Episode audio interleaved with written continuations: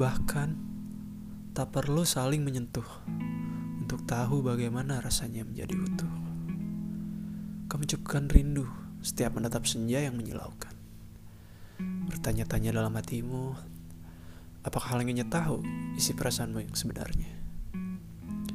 Kau hanya ingin mengubah segalanya menjadi lebih jelas dan mencintai tanpa harus takut terlepas. Ivanasya.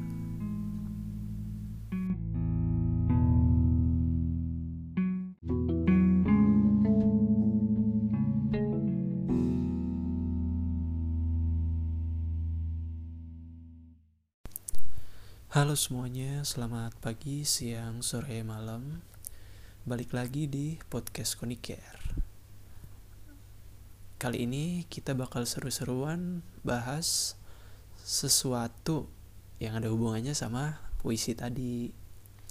Jadi temanya sekarang teman sih, tapi kok sayang. Langsung aja kita ke cerita.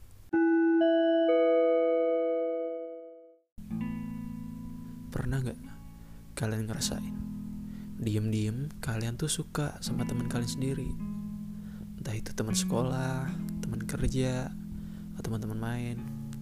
Tapi kalian ngerasa bingung. Bingung gimana ngomongnya. Sementara dalam diri kalian tuh kayak ada semacam pro kontra, uh, semacam konflik batin gitulah. Antara ngomong tapi takut dia malah ilfil, terus ngejauh ataupun kalau milih nggak ngomong jatuhnya malah nyesek sendiri ntar.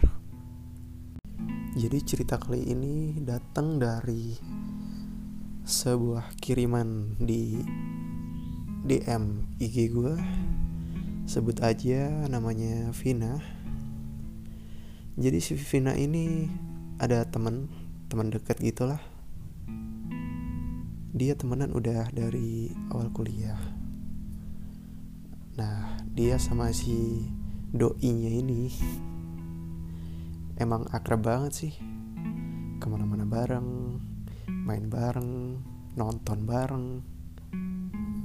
Ya udah kayak orang pacaran tapi nggak pacaran. Katanya sih gitu.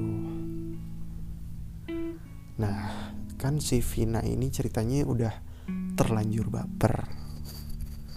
Tapi kayaknya si cowok cuman anggap temenan aja. Nah si Vina ini bingung. Gimana cara dia ngomong ke si cowoknya? Kalau dia itu sebenarnya suka.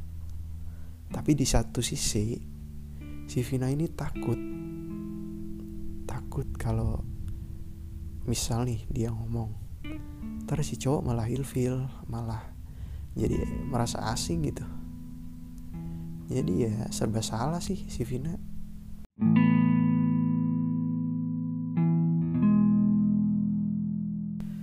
nah menanggapi kasus yang kayak si Vina ini nih kan pasti ada banyak banget yang ngalamin kayak gini.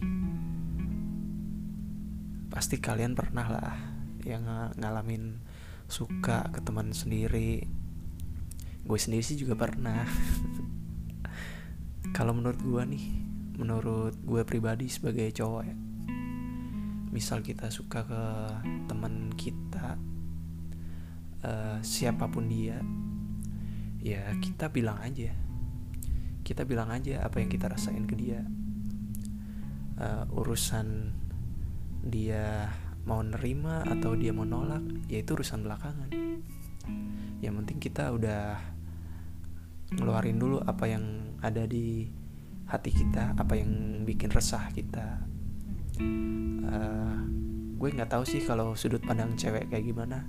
Yang yang katanya gengsi lah kalau ngomong duluan. Inilah itulah. Itu juga nggak tahu sih gue tapi kalau menurut gue sih uh, alangkah lebih baiknya. Kalau lebih baik kita ngomong aja. Toh juga setelah ngomong kita pasti lega. Kita nggak akan bertanya-tanya lagi kira-kira gimana dia kalau kita ngomong gitu. Ataupun kalau teman-teman di sini ada yang punya saran buat si Vina ini teman-teman bisa kasih sarannya ke DM IG gue at adicskid biar gue kasih tahu juga ke Vina biar dia bisa bersikap lah minimal.